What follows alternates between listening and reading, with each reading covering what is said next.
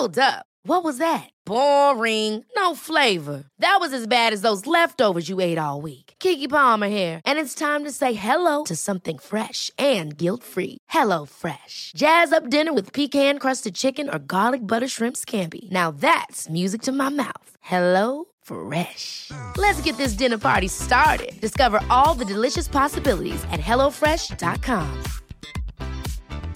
Quality sleep is essential. That's why the Sleep Number Smart Bed is designed for your ever evolving sleep needs. Need a bed that's firmer or softer on either side? Helps you sleep at a comfortable temperature? Sleep Number Smart Beds let you individualize your comfort so you sleep better together. JD Power ranks Sleep Number number 1 in customer satisfaction with mattresses purchased in-store. And now, save 50% on the Sleep Number limited edition Smart Bed for a limited time. For JD Power 2023 award information, visit jdpower.com/awards. Only at a Sleep Number store or sleepnumber.com. Systrarna Elvstrands hästpodd är producerad av Media House by RF. Hej allihopa och varmt välkomna till avsnitt nummer 14 av systrarna Elfstrands hästpodd. I det här avsnittet ska vi ta upp något som vi brinner för och något som vi själva varit utsatta för. Mm, Hela vårt liv egentligen. Ja, verkligen hela våra liv. Och det är fat shaming och vi ska även snacka om kroppshets inom ridsporten. För som du säger, vi har en hel del erfarenheter inom det hela. Mm. Och vi kan ju passa på att säga att det här avsnittet kommer liksom inte enbart vara fokuserat på ridsporten. Utan det känns ändå väldigt relevant att prata om det även ja, men i det vardagliga livet. För det är ju många som har erfarenheter av det där också. Ja men verkligen och sen så vill vi väl också passa på att eh, skicka ut en liten triggervarning i det här avsnittet. Så känner du att du ja, men har en ätstörning eller ligger i riskzonen för det så kanske du ska hoppa det här avsnittet. För vi vill inte råka trigga någon annan till att ja, må sämre. Nej, och vi, det är ju inte våra intentioner med det här Nej. avsnittet. Men vi kommer att gå in lite på ätstörningar eftersom jag har haft det tidigare. Och jag vet att vissa kan tycka att det är triggande även om vi inte kommer att gå in och prata om några specifika dieter eller något sånt där utan bara prata generellt om erfarenheter. Men ifall du vet om att du har det svårt med det här så kanske du inte ska lyssna just på det här avsnittet. Och sen kommer vi också att prata om utseende och utrustningshets i ett annat avsnitt. För i det här avsnittet ska vi fokusera på ja, just kroppshets helt enkelt. Ja, och då kanske några här undrar, vad är egentligen fat shaming? Och man kan väl säga kort och gott att det är när ja, men en person är större än idealet eller vad man ska säga och att man blir hämmad i samhället. Att det kanske är svårare att hitta kläder och att ehm, ja, men det är lite svårare att vara i samhället eller det är liksom inte anpassat efter storleken på kroppen. Nej, och sen också att man får ta emot mycket hat Mm. och elaka kommentarer på grund av det och att eh, människor som är smala gör antaganden om en. Till exempel att man har en ohälsosam livsstil. Så det är väl kortfattat vad fatshaming är ska jag säga. Mm. Och eh, nu så är vi ju inne i maj och snart är sommaren här med allt vad det innebär. Förhoppningsvis eh, sol och bad och sånt som är fantastiskt att njuta av när vädret tillåter. Men med det så för ju också lite mer kroppshets under den här årstiden. Man blir mer kroppsmedveten, man kan inte riktigt vara gömd under alla lagerkläder som ju faktiskt krävs på vintern för att vi inte ska frysa ihjäl. Och det är ju tråkigt att det ska behöva vara så här men därför tycker vi också att det är ett viktigt ämne att ta upp.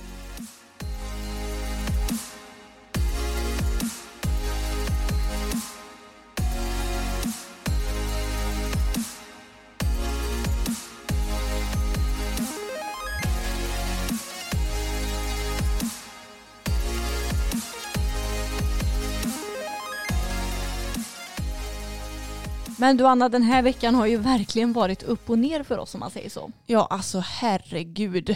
Den här veckan hade nästan kunnat strykas från världshistorien tycker jag. ja men på riktigt. Vi brukar ju sällan eh, ja, men ha dåliga veckor, men den här veckan har inte varit en pangvecka. Vi började med eh, att Tage fyllde år i tisdags måste det Mm. varit ja. Mm. Och då fyller han 20 år officiellt nu då så att nu, nu är han 20 år. Men eh, vi red ut en sväng i skogen jag och Emma för att fira, nej för att motionera, Tage och Boppen. Och eh, på hemvägen så känner jag att Tage haltar till lite bak och jag tänkte oj då, nu har han trampat på en sten och det kan ju hända liksom att de ja, men kan umma till om de trampar lite dumt på en sten. Det har ju hänt förr liksom. Så jag sitter av och eh, kollar så att det inte sitter fast någon sten. Men det gjorde det inte i hoven på honom. Så vi skrittade hemåt på asfalten och det var inga konstigheter. Tog av alla grejer in i stallet. Inga konstigheter då heller. Men sen när jag skulle släppa ut honom i hagen så stod han så lustigt med benet och liksom stod och viftade med det som att så här, aj, aj, aj, det gör ont, det gör ont. Och jag tänkte bara, men vad sjutton har hänt nu då? För jag fattade ju att det hade hänt något på utritten, men vad var det som hade hänt? Och jag tittade i hoven och jag och pappa hjälptes åt att klämma och han reagerade ju, men jag visste inte riktigt vad han reagerade på och tänkte bara, men herregud, är det hovbenet som har gått här nu eller vad är det som har hänt? Men vi tänkte att vi avvaktar en dag för att se så det inte liksom mirakulöst blir bättre. Och det blev det. Så antagligen så har han bara fått någon stengall eller någonting. Han är lite stapplig fortfarande så han Mm. vilar just nu. Men ja, jag, jag tänkte där ett tag, bara nej, då, nu har han fått en spricka i hovbenet eller någonting på en vanlig uteritt liksom. Mm. Men det ska ju tilläggas också att Tage är den absolut känsligaste hästen jag någonsin har varit med om. ja. Han är verkligen en sån där som tycker så synd om sig själv. Så fort han eh, trampar på minsta lilla sten så är det aj, aj, aj, aj. Vilket, och det här är ju bra. För en gång trampade ju han på en rostig spik och den hade åkt in typ så bara ett par millimeter i hoven. Mm. Och då stod han och höll upp hoven tills någon kom och hjälpte honom. Mm. Och då såg ju pappa att han hade en spik som säkert var typ 10 centimeter egentligen. ja, det var en sån här jättestor spik. Ja, men den hade bara åkt in då ett par millimeter så det var ju ingen fara. Men det hade ju kunnat sluta illa om han inte hade varit så känslig. Ja, så tack Tage för att du är så känslig. Ja. Även om det är lite störigt ibland. Mm. Men det gick ju bra som tur Ja, var. som tur är gick det bra. Så han ska nog vara fit for fight snart igen. Mm. Men eh, sen så var det dagen efter. Ja, Ja. Det var det. Då skulle vi mentalträna Fokus och Bella och hade en superbra mentalträning med båda två. Ni måste spana in min Instagram, Emma Elfstrand, där vi tränar i rundkorall. Och Bella tycker ju att det är lite tramsigt så då hoppar hon ut ifrån rundkorallen och eh, ja, vad ska man säga, det bandet vi hade satt upp det låg på 1,40 så när det blåste lite ner och upp så låg det väl ja, på runt 1,35 skulle jag tro. Mm. Nemas problemas för den bruden. En gång hoppade hon ut därifrån och sprang in i transporten. Mm. Hon tycker att den är väldigt rolig att leka med. Eh, Men en väldigt rolig träning. Men sen blev det ju ett riktigt antiklimax för vi hade precis fått in hästarna i stallet. Vi hade tagit av dem repgrimmerna och skulle sätta på dem deras vanliga grimmer och då drar Boppen typ en repa i hagen som Mm. båda två blir. Livrädda, skenar ut på gården, drar sönder hagstaketet och sen så fastnar de i lite bröte som låg på gården. Mm. Och seriöst, det var väldigt traumatiskt. Som tur är så gick det bra med fokus. Han fick bara ett sår på ena bakbenet lite högre upp. Ingen större fara med honom. Han springer omkring och är lika glad som vanligt i Ja. hagen nu.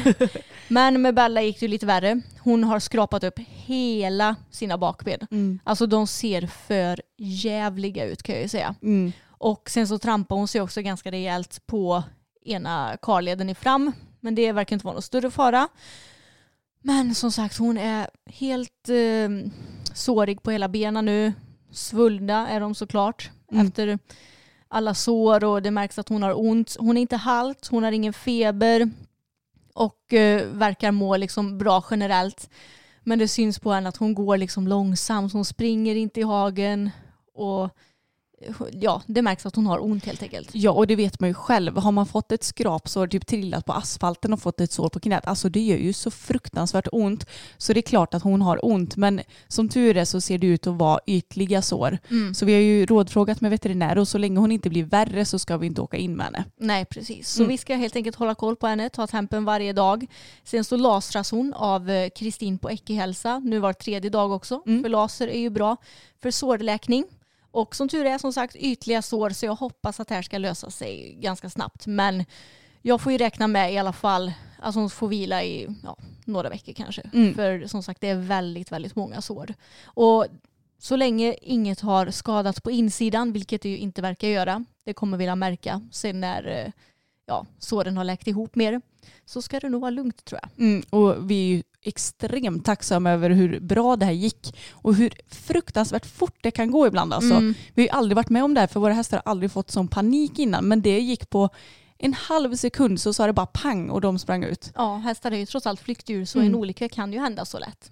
Innan den här eh, tragiska grejen hände så hade vi faktiskt hunnit dressyrträna också i tisdags. Och eh, du och Bella hade er bästa dressyrträning hittills tror jag va? Ja, vi hade det. När vi har tränat för Amalia tidigare, typ tre gånger tror jag vi har hunnit med Mm. innan den här träningen, så har vi liksom aldrig haft något bra flyt. Hon har liksom inte känts bra på någon träning och det är ju för att vi har varit i dålig form för dagen.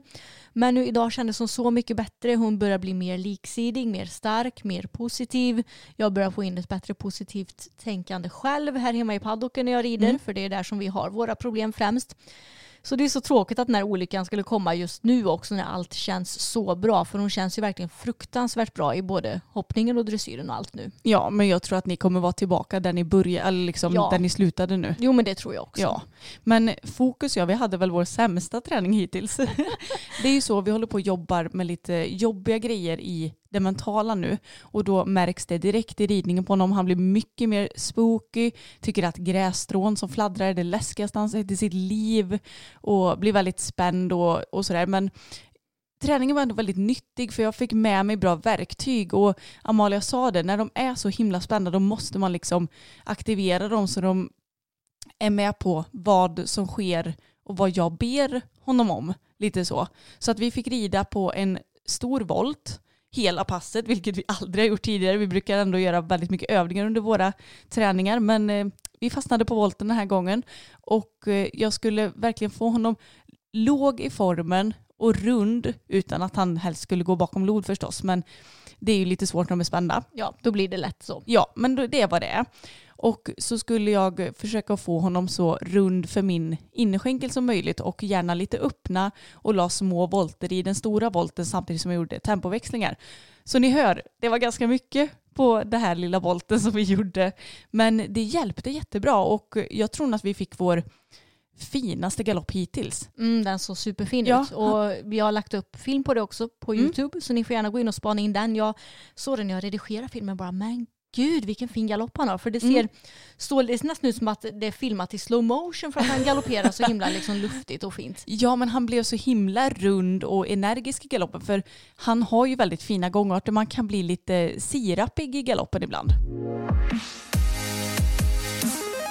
Då ska vi då ta och gå in på dagens ämne. Och eh, först och främst så får vi bara säga att en stor del av fatshaming är som vi nämnde i introt att folk som är smala eller inom normen har förutfattade meningar om folk som drar större storlekar. Många tror ju att alla som drar större storlekar enbart gör det på grund av en felaktig livsstil. Men Mm. så behöver ju absolut inte vara fallet Anna. Nej, men verkligen inte. Det kan ju bero på en underliggande sjukdom, att man har det lättare för att lägga på sig vikt eller svårare för att ja, förbränna eller att ämnesomsättningen inte riktigt är som den ska. Och eh, sen så kan man äta mediciner som gör att man kan samla vätska och sånt i kroppen som gör att man går upp i vikt. Så, och gener till exempel. Gener är ju superviktigt. Ja, Vi är ju två personer som alltid har haft så kallade tjockisgener. ja, men vi har ju verkligen varit större än alla sedan vi var små. ja. Och eh, ett bra exempel på det här är att om, säg att alla personer i hela världen skulle äta exakt samma mat, få i sig exakt lika mycket kalorier, röra på sig lika mycket, alla hade ju sett olika ut ändå. Mm. Och det är kanske något som man tänker att nej, men det hade de väl inte gjort. Vi hade väl sett exakt likadana ut. Men nej, så är det ju inte. Nej, precis. Och om jag tar mig själv som exempel så blev jag diagnostiserad med hypotyreos för ganska så exakt ett år sedan. Och hypotyreos det innebär ju att din sköldkörtel som reglerar ämnesomsättningen, den producerar inte tillräckligt med hormon. Mm. Så att jag har haft för låg ämnesomsättning och ämnesomsättningen påverkar ju också förbränningen i kroppen. Eh, just det här, det har väl inte jag märkt så mycket av eftersom vi alltid har haft så svårt för att gå ner i vikt. Ja. Men det jag märkte det var ju att jag blev extremt trött och extremt frusen. Och har känt att nej men alltså, så här ska jag liksom inte må. Och då visade det sig att eh, min sköldkörtel producerade väl ungefär, ja vad var det, 50 gånger så lite hormon till en början. Mm. Och då får man medicin för det här. Och det är först, ja men nu de senaste månaderna som jag har kommit upp i rätt dos medicin och har hittat en livsstil som passar mig. För beroende på hur du ja, äter din kost och sådär så ändras ju behovet av Levaxin, alltså medicin. Och nu har jag hittat en bra livsstil med eh, att jag äter bra och rör på mig bra och kan ha en lagom dos medicin utan att liksom värdet istället blir för ja, vad ska man säga, att den ämnesomsättningen blir för bra. Nej men precis, och jag kan tänka mig att det är jättesvårt i synnerhet när du har en medicin som du behöver anpassa dig efter också. Mm. Men det känns, du känns som en helt annan person för att jag kan ju avslöja att som eh, syster så umgås vi väldigt mycket och vi jobbar dessutom ihop så att vi ses ju väldigt, väldigt, väldigt ofta. Och varje dag så sa Emma efter lunch, jag är så himla trött. Mm. Och jag tänkte bara nej men det här är inte normalt. Men det var ju skönt för min del att det var något fel på dig. Nej, jag skojar. du, jo men du blev ju lite irriterad på mig att Ja. jag hela tiden skulle hålla på och klaga på hur trött jag var. Men alltså jag kunde typ jag kunde knappt hålla mig vaken kändes det som Nej. för att jag var så trött och framförallt också så seg i kroppen och Mm. det är ju lite jobbigt med tanke på att vi både gymmar, ja men säg typ fem dagar i veckan och rider nästan varje dag. Det är ganska jobbigt att ha en kropp som går extremt på lågvarv då kan Mm. jag säga. Det förstår jag. Ja, och hypotyreos det är ju då en sån sak som kan göra att du går upp i vikt Mm. och eh, inte är normsmal eller vad man ska säga. Ja men hypotyreos är ju en av alla sjukdomar som finns där man ja, men kan gå upp i vikt och kan vara större än normen. Och det finns ju många fler sjukdomar som har den här effekten eller vad man ska säga. Men om vi ska ta allt lite grann från början då så Ja men som vi sa i lite tidigare i avsnittet så, så har vi ju alltid varit större än normalt och eh, det har man ju fått höra och eh, det roliga är att när man är liten eller när vi var små då tänkte ju inte vi riktigt på hur folk såg ut utan vi var oss själva och vi hade kul och lekte och åt och brydde oss absolut inte någonting om hur vi såg ut. Nej. Men jag kan komma ihåg att när jag gick i tvåan så var det nog det kan ha varit ännu tidigare men en specifik händelse som verkligen har satt sig i mig det var när jag hade glömt en eh, gympatopp som jag skulle ha på mig när jag idrottade i skolan och fick låna av en kompis som var betydligt mindre än mig. Och när jag lämnade tillbaka det linnet jag fick låna under gympalektionen så sa hon Men gud vad du har töjt ut det här linnet Anna. Då fick jag första liksom, tanken att oj, är jag så mycket större än andra? Mm, precis, för jag tror att alla barn de är ju neutralt inställda till allting när de föds och de värderingarna de får det kommer ju från vuxna människor. Mm. Och jag menar när vi var små och gick på dagis och sådär. Vi hörde ju aldrig från mamma och pappa att vi var liksom för stora eller att eh, det skulle vara något fel på våra kroppar. Vi lekte ju supermycket när vi var små. Mm. Alltså vi var ute och lekte hela tiden. Vi älskade mat. Vi åt ju väldigt bra. Och en specifik händelse som jag minns det var ju i skolan. Jag tror att jag gick kanske i ja, men första, andra klass, något sånt där. Och var ju då såklart större än mina klasskompisar men jag rörde ju på mig minst lika mycket. Var, ursäkta mig men jag var smartast i klassen så det var inget fel på min hjärna heller. Och eh, inget fel på min hälsa whatsoever.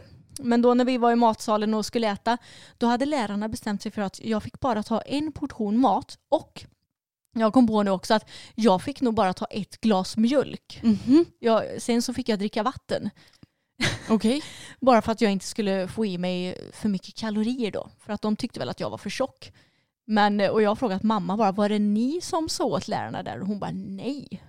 Ja men alltså det är så, det är så jävla sjukt rent ut sagt. Att lärarna har bestämt sig för att ah, men den där ungen den ser ut att väga lite för mycket så den får inte äta så mycket som den vill. Ja, jag hoppas att det inte är så idag. Nu är det ju Ja. 90-talet vi snackar om. Ja. Men ändå, det var ju då som vi började förstå att det var något fel på våra kroppar. Mm. Eftersom vi inte hade tänkt på det själva. Och vi tänkte ju heller aldrig på hur andra såg ut. Nej. Jag hade aldrig reflekterat om att det skulle vara fel att vara större. Mm. Utan det är klart att vi såg att ja, den där människan är lite smal och den där människan är lite större. Men vi la ingen värdering i det. Nej exakt. Och jag tycker det är sorgligt att det kom så himla snabbt för oss. Mm. Att vi var så himla unga när vi blev matade med det här. Mm. Men det som kanske har varit allra jobbigast har ju varit de här jävla, ursäkta mitt språk, men hälsokontrollerna hos, hos skolsköterskan. Hälsosamtalen. Ja, alltså de har varit vidriga och jag har haft ångest varje gång. Mm. För att man måste ställa sig på den där förbannade vågen. Mm, samma här. Och ständigt få höra att du är över kurvan. Vi båda fick ju höra att vi behövde gå ner i vikt. Ja, det var ju i fyrans hälsosamtal Mm. när man är tio, Tio. år. Mm. Det är ju helt sjukt. jättehälsosamt. Ja, verkligen. Återigen, jag rörde på mig jättemycket och vi åt bra. Det var ju absolut inte så att vi slängde i oss godis hela tiden. Nej, det gjorde vi verkligen inte. Och att man ska behöva vara tio år gammal och höra att du är för stor. Mm. den, svider alltså. Ja, verkligen. Och det har ju hängt med oss egentligen, ja men hela våra liv. Mm. För sen så kom ju tonåren och då förändras ju kroppen väldigt mycket också. Och jag tror att just i tonåren så är det nog allra svårast att hantera all kroppshets och de ideal som finns i samhället. Mm, absolut, för då, då är man det, det är liksom så världsomvändande allt som händer och sker och man kanske blir lite mer osäker än vad man varit innan och man går från barn till vuxen, eller ja vuxen blir man ju inte men från barn till tonåring och det händer så himla mycket. Mm. Men har du haft någon ätstörning någon gång Anna? Jag har faktiskt klarat mig utan det. Det är helt otroligt ändå med tanke på att eh, du har haft det och eh, man ändå fått höra sådana grejer som liten men jag vet inte vad det har berott på. Men jag har bara lyckligtvis klarat mig undan det. Mm. Även om jag såklart har haft tankar eh, om att jag borde gå ner i vikt och jag borde gå ut och springa alla dagar i veckan. Typ. Men jag har aldrig kommit så långt att det satt sig som en sjukdom. Liksom. Nej, precis. Men det har du gjort på mig och det var ju på gymnasiet. Jag tror att det började ja, men redan första året på gymnasiet. För då tror jag att jag gick upp ganska mycket i vikt på hösten första året på gymnasiet. Och sen då efter nyår så hade väl jag bestämt mig för att nej nu måste jag gå ner i vikt och Mm. ta tag i mitt liv. The typical nyårslöfte. Ja, Jag ska gå ner mhm, kilo i vikt. mm, exakt. Och eh, jag eh, är ju en allt eller inget människa. Tyvärr, vilket gör också att jag är en extremt beroende människa. Jag har väldigt lätt för att bli beroende för, av mat, träning, socker, alltså allting. Och eh, jag blev ju helt enkelt beroende av att gå ner i vikt. Det Mm. låter ju sjukt men jag fick ju ortorexi. Ja, men det är väl att man blir beroende av resultatet liksom. Ja, det skulle jag säga. Mm. Och för er som inte vet vad ortorexi är så innebär det att eh, jag hade extrem koll vad jag fick i mig och vad jag förbrände. Och sen så vägde jag mig varje dag, ofta flera gånger per dag av någon anledning för Oj. att se så här hur mycket jag gick upp. Och sen vägde jag mig varje morgon och hade jag gått upp typ 100 gram i vikt en dag, vilket ju är helt normalt att göra eftersom man lägger på sig vätska olika mycket beroende på tiden i månaden Mm. så var jag helt förstörd. Men hade jag istället gått ner ja, 100 gram, då var jag ju överlycklig. Mm. Det är så sjukt vad hjärnan kan göra med en alltså. Och jag måste bara inflika att jag som har stått vid sidan av, alltså jag förstod ju aldrig att du hade en sjukdom när du väl hade det. Och jag kan dels tänka mig att det berodde på att det var inte lika omtalat då som det faktiskt är nu. Tack vare sociala medier så har man liksom mer förståelse och mer koll på vad det är. Men jag tänkte bara att "Ah, ja, men Emma hon har bestämt sig för att hon ska liksom gå ner i vikt och det var det jag trodde att du gjorde. Mm. Jag kan inte komma ihåg att du vägde dig flera gånger per dag till exempel. Nej, Men det gjorde du kanske i smyg också. ja det gjorde jag säkert. Och grejen är att har du ortorexi så slutar du ju sällan att äta. Jag åt ju, men jag åt väldigt restriktivt eller man ska säga. Mm. Jag hade speciella dieter som jag följde verkligen till punkt och pricka. Och som sagt, jag sprang typ en mil om dagen. Och sådär. Så jag var väldigt, väldigt eh, noggrann och seriös. Mat och hur jag tränade var typ det enda som jag tänkte på. Mm. Alltså det tog upp så mycket av mina tankar och av min energi. Och eh, om jag ser på det idag, nu när jag är vuxen, så hade jag aldrig klarat av att ha ortorexi och få en fungerande livsstil med det som vi gör idag. Alltså med jobb, att vi har fyra hästar, att vi tränar på gym. Alltså det hade aldrig gått. Men när du hade ortorexi, då hade vi både tag och boppen eller hade vi Nej, bara tagit? Vi hade bara tagit. Just det. För det började gå över när vi skaffade boppen. Ja, men hur tyckte du att det funkade? Att liksom, hade du energi till att rida eller hur, hur var du då? Kan du minnas det? Nej, alltså jag minns inte så mycket om Nej. jag ska vara ärlig. Nej. Men eh, jag tror att jag hade det. Mm. Även om jag åt så pass lite. Och liksom, det var ju inte så att jag styrketränade utan det var ju bara kondition. Så jag hade ju inte speciellt mycket muskler heller. Nej. Så eh, jag borde ju inte ha haft så mycket energi. Men samtidigt så blev jag väl så van vid det hela också så att det blev normaliserat. Ja, säkert. Och eh, när Emma var inne i den här perioden så, ja men hon minskade ju såklart i kroppshydda ganska så rejält. och eh, det var ju folk som kommenterade att wow vad smal och snygg du har blivit. Framförallt den kombinationen också. Oh ja. Mm. Och eh, sen så, eftersom vi är syskon, väldigt nära i ålder och väldigt tajta, så kände nog folk att de var tvungna att kommentera mig också. Och då sa de till mig att du har också blivit smal Anna. Och jag tänkte att jag har liksom inte gjort ett skit, för jag varken tränade eller åt liksom strikt utan jag fortsatte ju att käka godis och åt precis det jag ville, hade inte en tanke bakom vad jag stoppade i mig liksom. Mm. Och jag tycker att det här är ju kanske det största felet folk gör. Att de kommenterar, i synnerhet när man har gått ner i vikt och säger att du har blivit så smal och snygg, för det går inte hand i hand. Nej. Vi måste få bort det, att det är Mm. inte det det handlar om. Nej, så är det verkligen. Och sådana kommentarer är ju också extremt triggande Gud ja. om du har eller är på väg att få en ätstörning. För det var ju alla de här kommentarerna, då fick jag konstant bekräftelse att folk såg att jag hade gått ner i vikt. Och då blev jag ju ännu mer motiverad till att gå ner ännu mer så att jag skulle få ännu fler kommentarer. Men i vuxen ålder så har vi ju i alla fall klarat oss ifrån ätstörningar och jag, jag vet i ärlighetens namn inte hur jag tog mig ifrån min ätstörning. Jag tror att min kropp och jag insåg att det inte var hållbart så att det blev successivt att det fejdades ut liksom. Mm. För det var inte hållbart. Jag började läsa på högskolan och det blev lite mer krävande. Vi hade två hästar istället för en. Ja, ni förstår. Om det nu är någon som lyssnar på det här och känner att eh, du kanske har dåliga tankar eller känner att du är på väg in i en ätstörning eller liknande så rekommenderar vi verkligen att ta hjälp med det här. Och vi kan länka vart man hittar hjälp i beskrivningen. Och något som är väldigt tydligt när det kommer till kroppshets i samhället det är att just vikthetsen är så enorm. Både inom vården och inom, ja vad ska man säga, det vardagliga livet. Mm. Vilket BMI du har det är ju hur viktigt som helst verkar det som. Ja, och det här med BMI är ju så himla lustigt för att det behöver inte ha någon som helst betydelse för hur hälsosam du är. Jag menar om jag skaffar mig ett rejält packe med muskler så väger det betydligt mycket mer än om jag nu skulle ha bara fett. Mm. Ja, inte bara fett men ni men- förstår vad jag menar. Det är så kul för det finns ju jättemånga, eh, säg killar som Mm. tränar och är typ bodybuilders. Deras BMI visar ju på att de har fetma Mm. medan de egentligen har typ 0% fett på Ja men sin kropp. exakt, det är det jag menar. Så att BMI, det hade jag önskat att vi bara kunde slopa helt och jag vet i ärlighetens namn inte varför det finns kvar ens. Nej det känns så här, lever vi på liksom 1900-talet fortfarande? Ja, lite så. Och både du och jag vi har ju blivit, vad ska man säga, fatshameade inom vården trots Mm. att vi är två friska individer. Ja, ja men verkligen. Och eh, det var ju när jag sökte för min eh, höft för första gången. Och jag vet inte om jag sa någonting om det här i vårt höftavsnitt.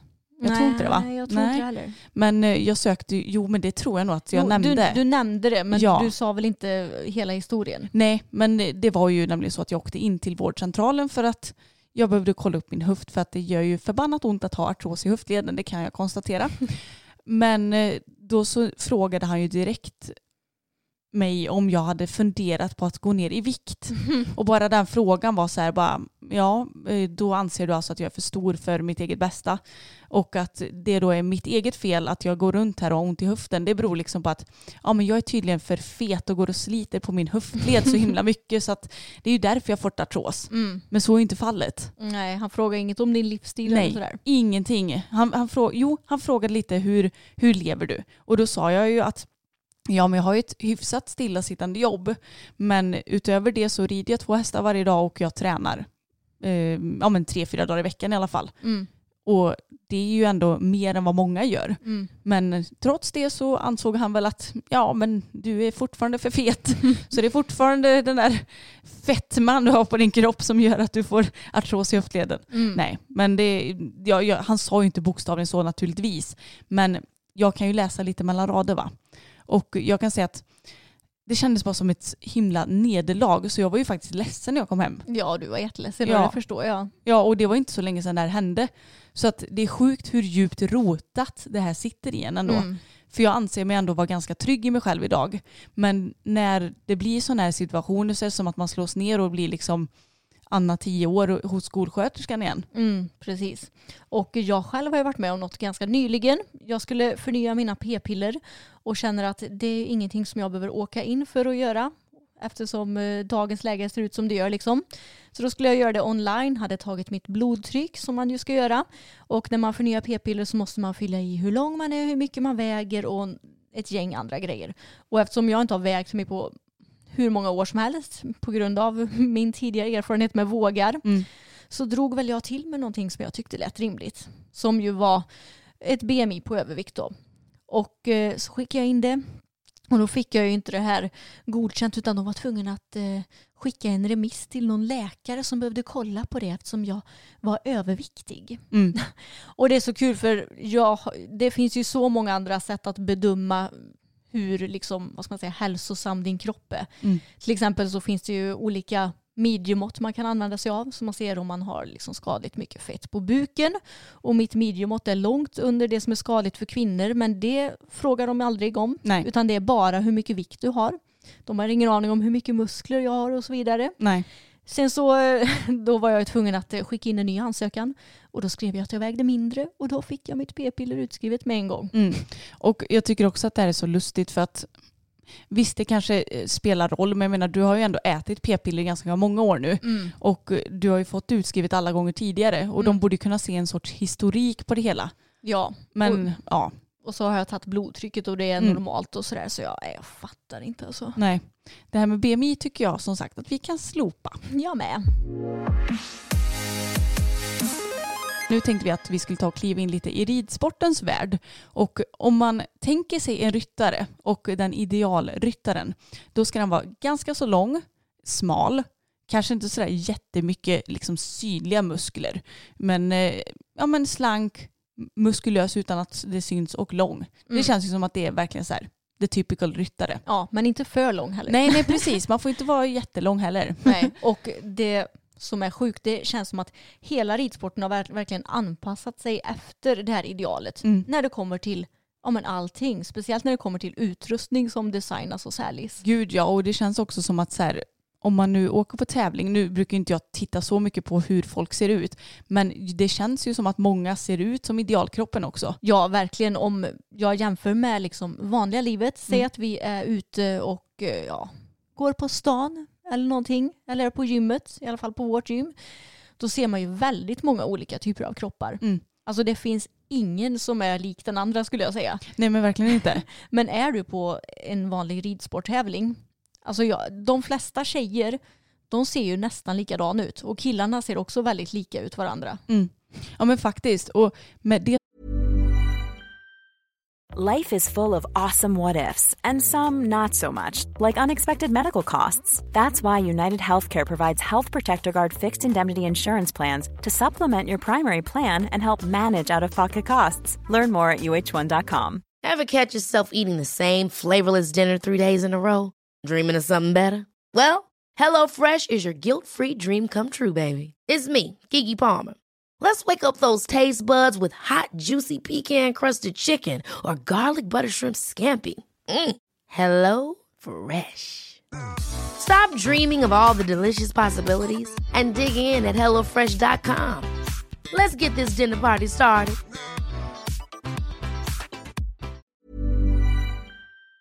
Sagt så är det, jag och Emma vi liksom dömer inga kroppar men det är Nej. klart att med tanke på vår bakgrund och vad vi brinner för så blir det att man lägger lite märke till hur folk ser ut. Bara för lite egen forsknings skull Ja. eller vad ska man säga? Men om jag tar oss som exempel, jag känner mig aldrig liksom, vad ska man säga, stor när jag är ute i vanliga samhället. Utan jag känner mig väldigt bekväm och sådär. Sen om jag är på tävling, då lägger jag helt plötsligt märke till att jag är större än andra. Mm. Och jag är inte speciellt stor, jag har storlek 40-42 nu kanske. Mm. Och det är inte speciellt mycket. Nej. Då tänker jag bara på hur känner sig andra som har större storlekar än mig. De måste känna sig så obekväma just eftersom de är ännu längre ifrån idealet. Ja, och nu menar vi inte att man bör känna sig obekväm naturligtvis, men vi tänker bara hur vi känner gentemot våra kroppar och våra liksom, storleksskillnader så kan det hända att de som är större än oss har det ännu värre. Liksom. Mm. Och jag tänker att eftersom den här idealkroppen är så djupt rotad inom ridsporten så tror jag att ifall du inte ser ut som denna så blir det liksom svårare för dig att ta plats i sporten. Du kanske inte riktigt vågar börja rida eller våga fortsätta rida om du har börjat. Ja, och eh, som du nämnde att det kan ju bli svårare att hitta utrustning till oss. Jag menar, om man bara tittar på ridstövlar till exempel så är det ju helt galet när det kommer till italienska stövlar. Det är så här, ja, lycka till om du, eller grattis om du hittar en som är inom det, det size ranget som finns som standardstorlek för att det är inte alltid det är så lätt. Nej. Jag vet att jag själv har väl så här storlek XXL i Deniros dressyrstövlar och eh, i Mountain Horse så har jag nog regular plus. Mm. Det är ju en väldigt stor skillnad.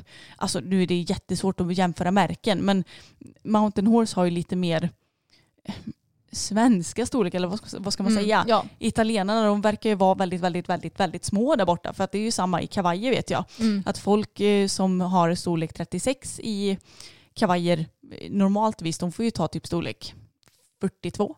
ja. Ja, Men även Mountain Horse, deras Mm. stövlar, de är ju inte heller speciellt stora. nej faktiskt Så inte. Är inte den största storleken wide. Jo, Och det har jag. mm. Och jag har, visst jag har stora vader men jag tycker liksom inte att de är gigantiska om jag kollar på dem. nej det, skulle, det finns ju helt klart utrymme att eh, förbättras där. Mm, Verkligen. verkligen. Och jag tror att just stövlar, det är nog det som de flesta har allra störst problem med. Mm. För ifall du inte kan ha några av de här standardstorlekarna då måste du måttbeställa och det är ju många gånger ännu dyrare Mm. och det går inte att måttbeställa från alla märken utan då måste du välja de som är typ de dyraste märkena. Ja, och dessutom så brukar det väl oftast vara så att måttbeställer du stövlar så har du ingen så här ångerrätt eller någonting. Mm. Så det, det är så himla mäckigt. Jag bara, kan det inte bara komma upp något märke som har liksom alla storlekar? Mm, jag håller med. Och något annat som är jättesvårt att hitta om du inte ser ut som ridsportens idealkropp det är ju ridbyxor. Ja, Alltså oh my god, det har typ dröjt ända till ja, de två senaste åren innan jag har hittat några ridbyxor som jag känner mig bekväm i. För om jag ska se till min kropp så har jag en ganska liten midja, en stor rumpa och lite större ben. Alltså typ nästan tvärtom emot hur din kropp ska se ut enligt ridsporten. ja. Och det finns så många gånger som jag aldrig ens har fått över ridbyxorna över röven. Och men om jag skulle ta större storlekar så hade de typ hängt på benen för att de istället blir för stora där. Mm. Så är det visserligen med vanliga byxor också men det är ännu svårare inom ridsporten. Eller så är ridbyxorna för låga i midjan. För har du lite mer hull, det är inte skönt att ha ett par ridbyxor som sitter på höfterna kan jag säga. Nej. De måste sitta högt upp i midjan. Ja, och jag själv har ju en kroppstyp som, jag har ganska grova ben, jag har lite större rumpa och min midja är ganska rak. Eller vad man ska säga. Så jag är lite rakare i kroppen men fortfarande med en lite större rumpa kan man ju säga. Mm. Så det är inte helt lätt där heller. Nej. För det blir gärna lite så att ja, men då kan de gärna bli lite trånga på benen på mig istället. Mm. Äh, Det, det är helt galet vad svårt det är att hitta ridbyxor. Men nu när det har börjat släppas lite mer ridleggings och sånt så är det lite enklare tycker jag. För de är desto stretchigare än de där jobbiga som man hade förr med stel helskoning. Ja, vi designar till och med våra egna ridleggings för att vi var så trötta på att aldrig hitta något som passade oss. Mm. Och det är ju de ridbyxorna, eller ridleggingsen, är ju de enda vi använder tillsammans med Horse Desiree ridbyxor. Mm. Och de är väldigt bra. Ja, jag känner mig inte helt bekväm i dem. Gör du inte det? Nej, jag tycker att liksom man får lite putig mage i dem. Ja det är sant. För grejen med Horse Desiree ridbyxorna är att de har en ganska så liksom bred Mudd. mudd ja, uppe i midjan. Och då blir det att de trycker liksom in lite där mudden sitter. Mm. Så precis under mudden blir ju det här, vad säger man? Bukfettet. ja men det, det bebisfettet, det, det som ska växa när vi blir preggo, om vi nu blir det. Liksom. Mm. Ni förstår vad jag menar, här långt nere på magen. Det kan puta ut lite grann. Mm. Men jag känner lite att vem bryr sig? De är bekväma i övrigt. Jo, det är de ju. Mm. Men jag känner mig mer bekväm i våra från Unicastrian Equipment. Ja. Som finns på vår egen webbshop Hästhuset ifall ni vill spana in dem. Och sen andra grejer som är svåra ifall du inte ser ut som normen det är ju att hitta västar och skjortor. Alltså jag vet inte hur många som jag liksom knappt får igen över tuttarna. Mm. Och jag har inga stora bröst men jag har ett brett bröstmått Ja. eftersom jag är ganska timglasformad med liksom breda axlar och liten midja. Alltså det är helt omöjligt nästan Mm. att hitta några sådana som passar mig. Ja, jag är ju lite enklare för det för jag är ju lite rakare än det i kroppen. Men eh, ibland när man ska hitta skjortor framförallt också så är det så himla svårt att hitta några som inte glipar i knapparna tycker jag. Ja, exakt. Att det liksom, ja men ni förstår vad jag menar, det sitter en knapp och sen så blir det liksom som ett litet hål och så sitter knapp trots att man egentligen har en skjorta som passar eh, över allt annat. Mm. Man vill inte ha en pösig skjorta liksom. Nej, precis. Och sen kavajer kan också vara jättesvårt att hitta. För min del så är det ju svårast att hitta någon som passar ja, men mina breda axlar och lite bredare rygg och sådär. Och jag kan tänka mig att det är väldigt svårt att hitta kavajer också om du har större bröst och kanske lite större mage. Mm. Men nu tycker jag ju faktiskt att det är väldigt skönt att det har kommit mer kavajer som är i så här soft shell material. Ja. För de töjer sig lite bättre och de, eh, ja, de är lite bekvämare också än de här stela kavajerna som man verkligen får kränga sig på. Mm, men vi måste ju också snacka om storlekar på ridkläder. Mm. För generellt så är ju ridklädesstorlekar mindre än vanliga storlekar skulle jag säga. Ja, och speciellt italienska ridkläder som jag nämnde tidigare, de är ju helt galet små i storlekarna så de försöker man inte ens på att beställa för att det är, så här, det är ingen idé. Exakt. Och vi ska prata lite mer om efterfrågan på större storlekar i det här avsnittet lite senare. Så jag tänker att vi går in på den diskussionen lite mer då. Mm. För den är väldigt intressant faktiskt. Det här med hur stora, stora storlekar det finns och vilken efterfrågan det finns på dem. Men på tal om ridkläder så vi jobbar ju med sociala medier och får ibland sponsorförfrågningar och sånt där. Och det var väl, när var detta Emma? Alltså det måste ha varit typ fyra år sedan nästan. Ja, eller? jag tror det var. Mm. Så fick vi en förfrågan från, ja, vi kan ju avslöja vilket företag det är. Vi droppar namnet nu. Ja, Gina Tricot. Mm. Frågade om vi ville få lite kläder hemskickade för de skulle väl, ja men de brukar väl ha någon sån här Falsterbo-kollektion. Ja, och jag tror det var antingen det eller så var det Gina Tricot Grand Prix. För Just de det. brukar ju släppa två kollektioner. Just det, men något av de alternativen var det. Och eh, då sa vi, ja men självklart, ni kan skicka kläder i storlek L till oss. Ja, för de hade ju frågat om vår adress och sådär också Ja, ska tilläggas. Precis, och, och frågade vilken storlek de skulle skicka. Och när vi svarade vilken storlek vi ville ha så hörde vi ingenting mer sen. Mm. Och det är ganska lustigt för jag menar, ja, om de ens hade något uns koll på vilka vi var då borde de ju kanske se att nej men de där två de är alldeles för stora för att marknadsföra våra kläder. Ja, Om de nu tyckte det, vilket de ju uppenbarligen tyckte. ja, för man såg att de hade skickat ut den här, vad ska man säga, pressreleasen till andra influencers Mm. Och ingen av dem drog mer än storlek med, eller small skulle jag säga. Nej, Small. Eventuellt medium men det tror jag inte ens. nej, precis. Och det är också så himla tråkigt för att när ska vi komma ifrån det här att kläder bara ska sitta på mindre personer? Mm. Vi som är lite större, vi behöver också kläder. Ja, och kläder kan dessutom se väldigt bra ut även på oss som Exakt. är lite större. Och eh, det som är bra med att visa hur kläder ser ut på oss som drar lite större storlekar det är att det blir mycket mer inkluderande för de som drar större storlekar att se hur kommer det se ut på mig. Exakt. Men jag tänker att vi kan prata lite mer om det senare ja, också. det gör vi. Men ser du liksom till alla de här ridsportsmärkena eller man ska säga och vilka de sponsrar. Jag kan i alla fall inte på rak arm komma på något märke som sponsrar någon som ser icke-normativ ut. Nej, inte jag heller. Nej, utan alla som de sponsrar ser ut som ryttaridealet. Mm. Tycker jag i alla fall. Så företagen de spär ju på den här kroppshetsen som finns och det här idealet som finns. Att vi sponsrar bara de som ser ut som vi vill för att det är de som vi vill att kläderna ska synas på. Liksom. Mm, och det är så himla tråkigt. Jag menar, är det några, någonstans vi ska börja så är det väl ändå där. Mm, jag håller med. Om vi går över lite till själva hästlivet då, så kan ju folk kommentera saker både i stallet och på sociala medier. Och vi har ju haft, ja men vi hade ju vår blogg, den startade du för, Ja, 2009 startade jag den. oj det är så länge sedan. Ja. Ja, men då har ju folk haft möjlighet att komma med sådana här skitkommentarer redan då. Ja. Men vi har ju ändå varit ganska skonade får vi väl säga. Mm, och vi har framförallt varit väldigt skonade i stallet. Mm. Men jag tror också att det kan bero på att vi kommer ifrån en liten ort. Folk är inte lika utseendefixerade här tror jag som man är i till exempel Stockholm. Så jag tror inte, eller när vi växte upp i alla fall, så var det nog ingen fat-shaming i vårt stall. Vad vi kunde märka av i alla fall. Nej, inte vad jag kan minnas och det är jag jättetacksam för. För jag menar, med tanke på att vi hade det tillräckligt i skolan och med eh, allt vad det innebar så är jag glad över att stallet ändå var en frizon där man inte behövde tänka på hur man såg ut. Mm, exakt, men det är ju samtidigt väldigt många säkerligen som inte har den här frizonen. Gud ja. utan som även i stallet får höra negativa kommentarer om sina kroppar. Säkerligen får höra att du är för stor för din häst och sånt där som är vanliga argumentationer till det hela. Mm, verkligen. Men om vi ska börja med eh, sociala medier då Emma. Så har ju jag bland annat fått höra att eh, jag borde skaffa mig en större sadel för att Mm. eh, ja, jag inte får plats i den jag hade.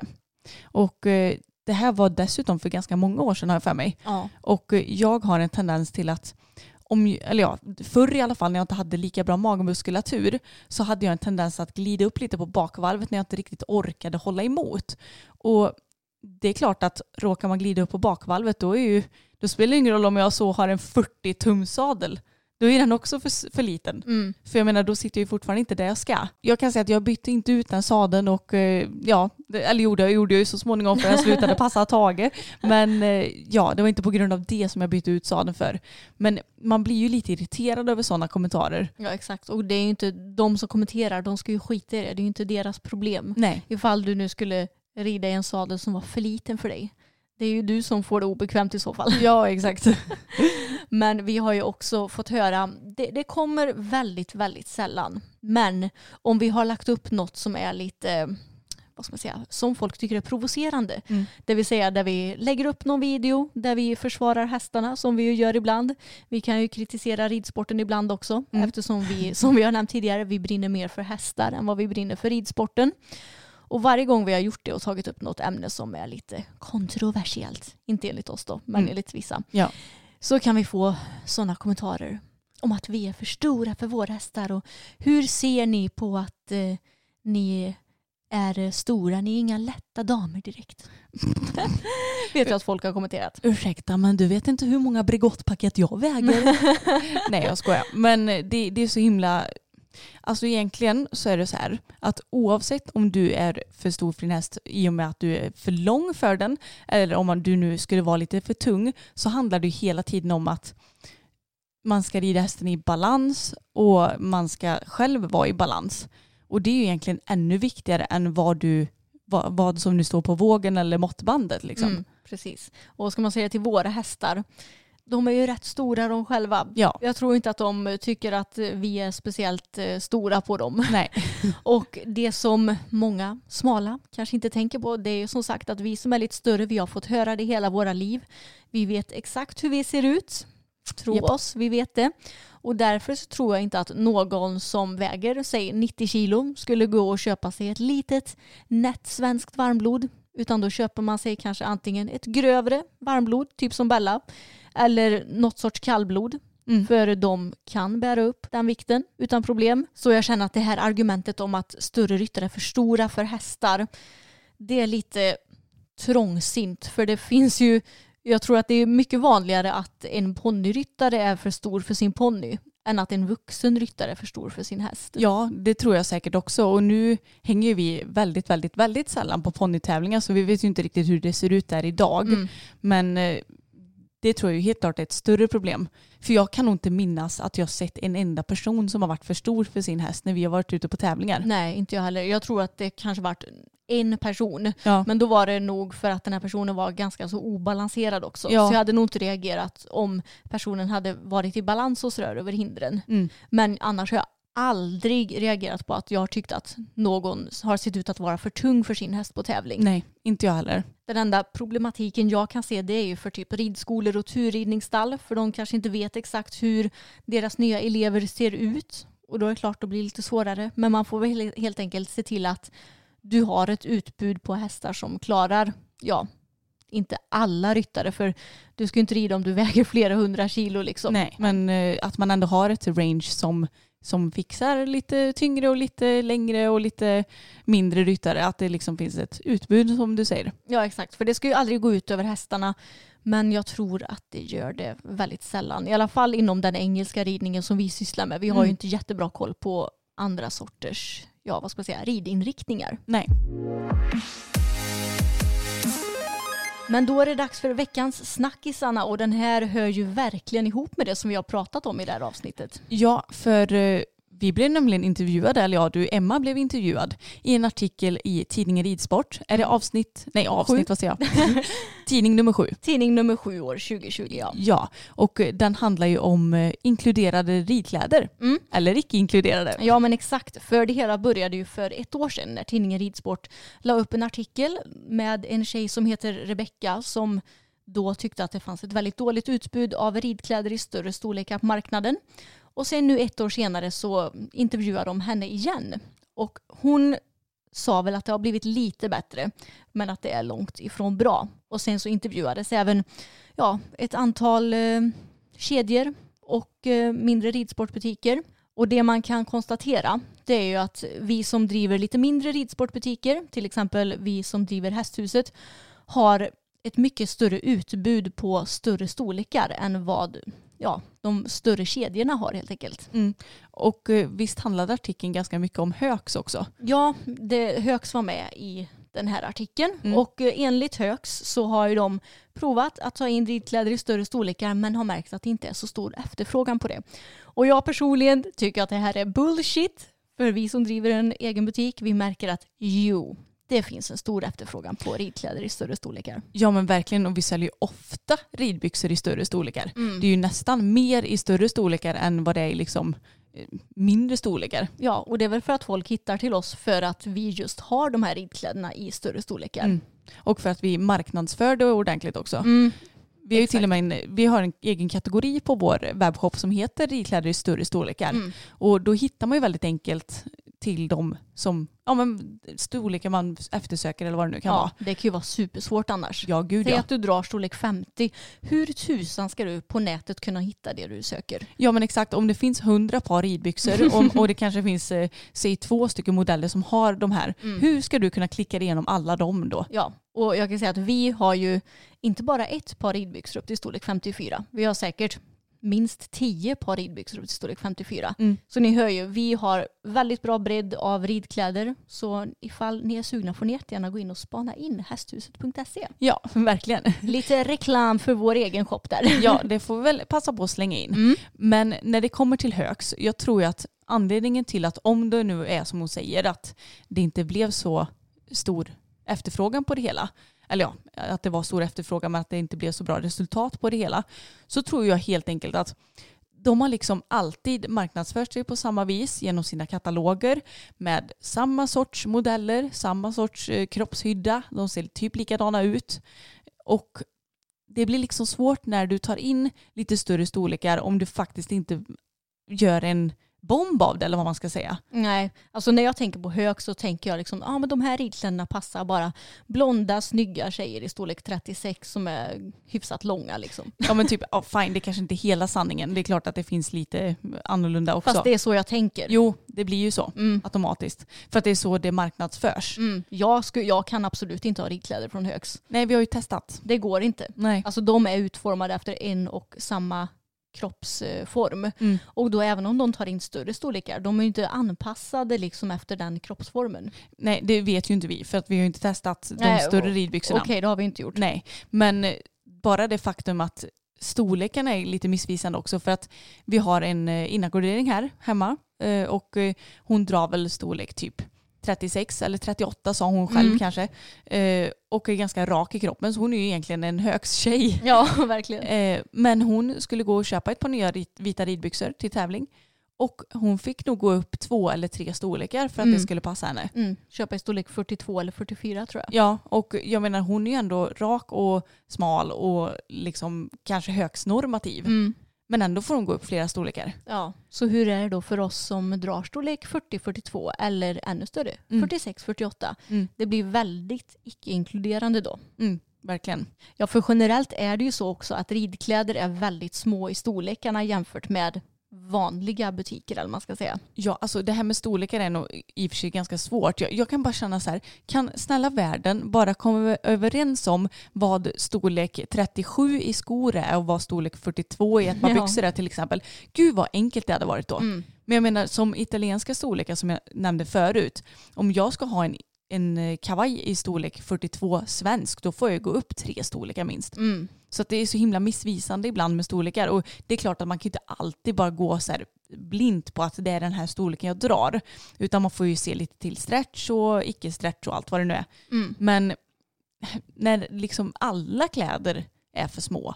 Nej men jag tror att Högs säljer dåligt på ridkläderna i större storlekar just för att deras ridbyxor till exempel, de har alltid varit anpassade efter ridsportnormen. Efter storlek 36, rak, smal som vi nämnde förut. Och vi som drar större, vi har i alla år provat och provat kläder men det är inga som har passat. Nej. Så varför skulle de här kläderna passa nu? Ja men det, man ger ju lite upp liksom. Mm. Vi har ju Ja, men jag tror inte att vi har köpt ett enda par byxor från Högs någonsin. Nej, jag tror inte det heller. Möjligtvis när vi var små barn. Liksom. Ja, men typ så. Så att det blir ju att man lite lär sig vad som inte funkar och då skiter man i det sen. Då Mm. har man ju hittat andra vägar. Ja. Så att det kanske är lite för sent på bollen tyvärr. ja, men jag tror det faktiskt. Mm. Och att man får också se till att marknadsföra sig att nu har vi de här i större storlekar. Ja, Och kanske som vi har då, att man har en egen kategori för större storlekar så att man hittar det lätt också. ja och framförallt kanske byta ut lite modeller så att Mm. det blir lite mer eh, inkluderande även där. För att det känner jag är extremt tråkigt att alla ser likadana ut. Jag skulle hemskt gärna velat se hur ja men säg en tröja ser ut på någon som är kanske som mig eller lite större. Det spelar Mm. liksom ingen roll. Men någon som bara inte är som normen. Mm. Ja, det är lite synd att det inte finns bättre produktbilder. Och det hade jag önskat också skulle vara bättre på vår shop. Mm. Men vi har ju tyvärr inte produkterna hemma själva. Utan vi har en leverantör och de i sin tur får ju produktbilderna från respektive märke. Ja precis. Så det är ju hos märkena som det hela måste börja. Till exempel så har ju vi ett märke som heter Montar som vi säljer hos oss. Som har superfina ridbyxor från storlek typ 30-32 upp till storlek 54. Så väldigt stor size range. Men de har liksom bara en produktbild per byxa och då är det ju på den traditionella storlek 36. Ja, så det är helt klart lite tråkigt och eh, det hade varit fantastiskt om det kunde börja hos just märkena och de som fotar sina produktbilder. Att börja med, det behöver inte ens vara liksom fem olika eh, personer som blir fotade utan det räcker väl med två då. Ja, exakt. Vi gjorde det när vi fotade till Unicastrian Equipment, vårt egna märke. Då hade vi fyra olika storlekar och dessutom väldigt olika kroppsformer. Mm. Just för att man ska kunna se att ja, men jag ser ut så, jag har lite större ben och då kanske de, den storleken passar mig bättre. Liksom. Avslutningsvis här på veckans snackis så vill jag bara säga att det vore så roligt om vi någon gång kan komma till insikt att alla ser olika ut och alla behöver vi verktyg för att kunna hålla på med det vi älskar. Och det är ju ridsporten och hästar. Så därför önskar vi fler olika produktbilder och fler utbud på ridkläder och ridstövlar och allt vad det nu kan vara. Men då är det dags för oss att wrap this all together, Anna. Ja, runda av lite som man säger på svenska. Mm. Och eh, vi tänkte väl ta och avsluta med att säga våra bästa tips för att undvika att bli påverkad av ja, men kroppshets och, och allt vad som pågår i världen. Mm, verkligen. Och jag kom på ett nu, Anna. Mhm. Och det är ju att handla i butiker som är inspirerande och som inte har kläder som är extremt små. Om man ska ta ett exempel från vanliga livet, H&M. Åh. Deras storlekar är ju pyttesmå. Ja men alltså det är helt sjukt. Mm. Jag vet att jag plockade på mig ett set med kavaj och byxor. Vad var det för storlek? Jag tror 44. Ja det var 44. De kom inte över min röv kan jag säga. Nej, och det var ju den största storleken också Ja. som fanns. Så det var bara att hänga undan och se skamsen ut ungefär. ja, exakt. Nej det behöver man ju inte göra men, Nej. men det bara så tråkigt. Ja, så handla i butiker som har vad ska man säga, normala storlekar och en bra bredd på storlekar så att du kan känna dig ja, ska man säga, confident. Och jag tycker också det är trevligt att då uppmuntra de företagen alltså att shoppa ifrån företag som stöttar de här värderingarna. Mm, verkligen. Och sen också att man ska vara noga med vad man följer på, på internet. Både när det kommer till Instagram och bloggar och allt vad det nu är. Alltså det finns ju tyvärr otroligt mycket konton som bidrar till hets genom att lägga ut eh, sådana bilder och lägga ut tips på mat som kanske ja, inte är så jättenäringsrik Mm. och allt vad det nu kan vara.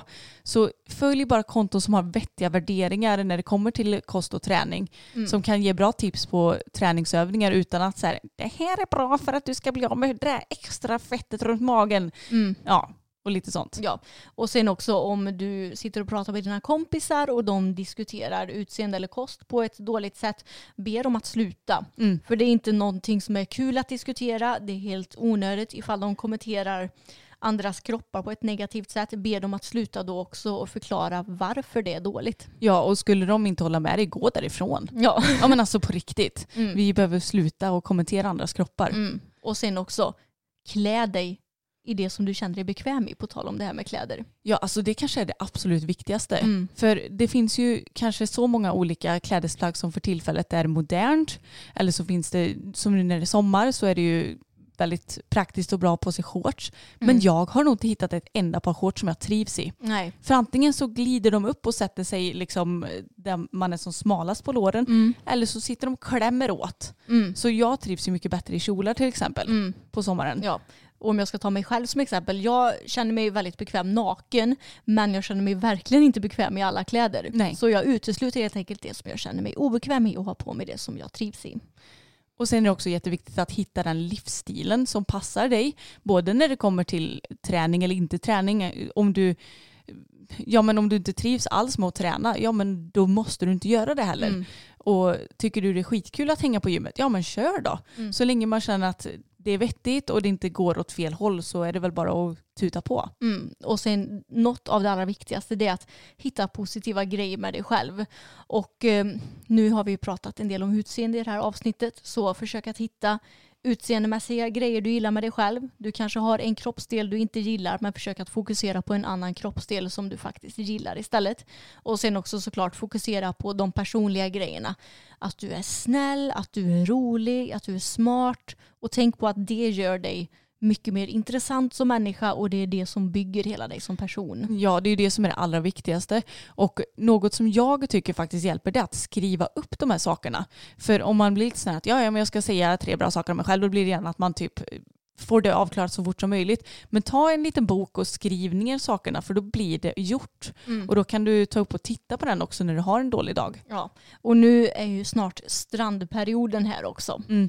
Och jag vet att det är så många som går och nojar på stranden och tänker åh nej nu tittar de personerna på mig och nu ser jag tjock ut i den här bikinin och allt vad det kan vara. Ja, och kanske inte vågar ha på sig bikini ens en gång. Nej, exakt. Och det är jättetråkigt för man vill ju kunna njuta av sol och bad. Men jag brukar tänka så här att alla andra är så fokuserade på sig själva. De nojar över hur de själva ser ut.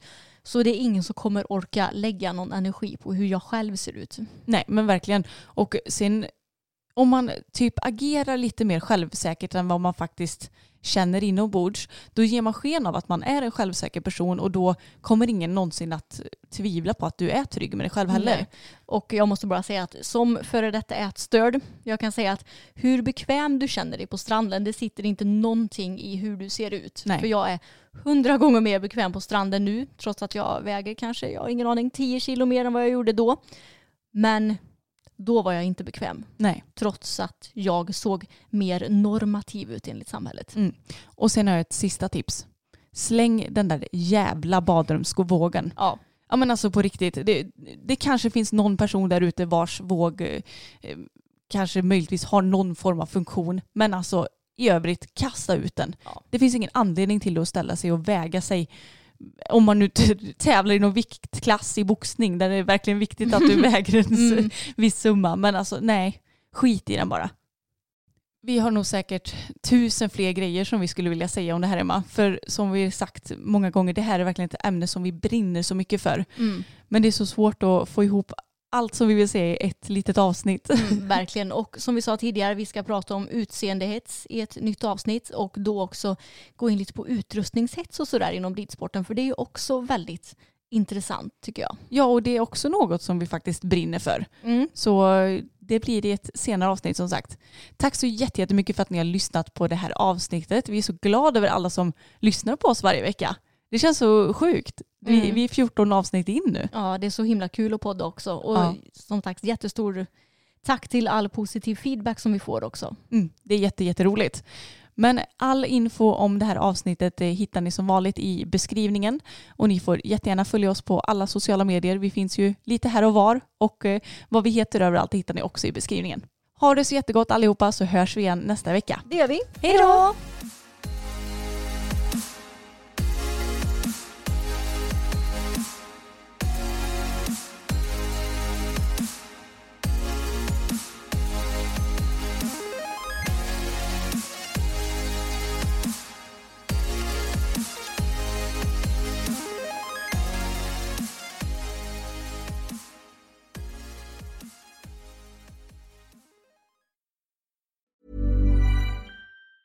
Hi, I'm Daniel, founder of Pretty Litter. Did you know cats tend to hide symptoms of sickness and pain? I learned this the hard way after losing my cat, Gingy. So I created Pretty Litter, a health monitoring litter that helps detect early signs of illness by changing colors, saving you money and potentially your cat's life. Pretty Litter is veterinarian developed, and it's the easiest way to keep tabs on your fur baby's health right at home. Go to prettylitter.com and use code ACAST for 20% off your first order and a free cat toy. Terms and conditions apply. See site for details. Hold up. What was that? Boring. No flavor. That was as bad as those leftovers you ate all week. Kiki Palmer here, and it's time to say hello to something fresh and guilt-free. Hello Fresh. Jazz up dinner with pecan-crusted chicken or garlic butter shrimp scampi. Now that's music to my mouth. Hello Fresh. Let's get this dinner party started. Discover all the delicious possibilities at hellofresh.com.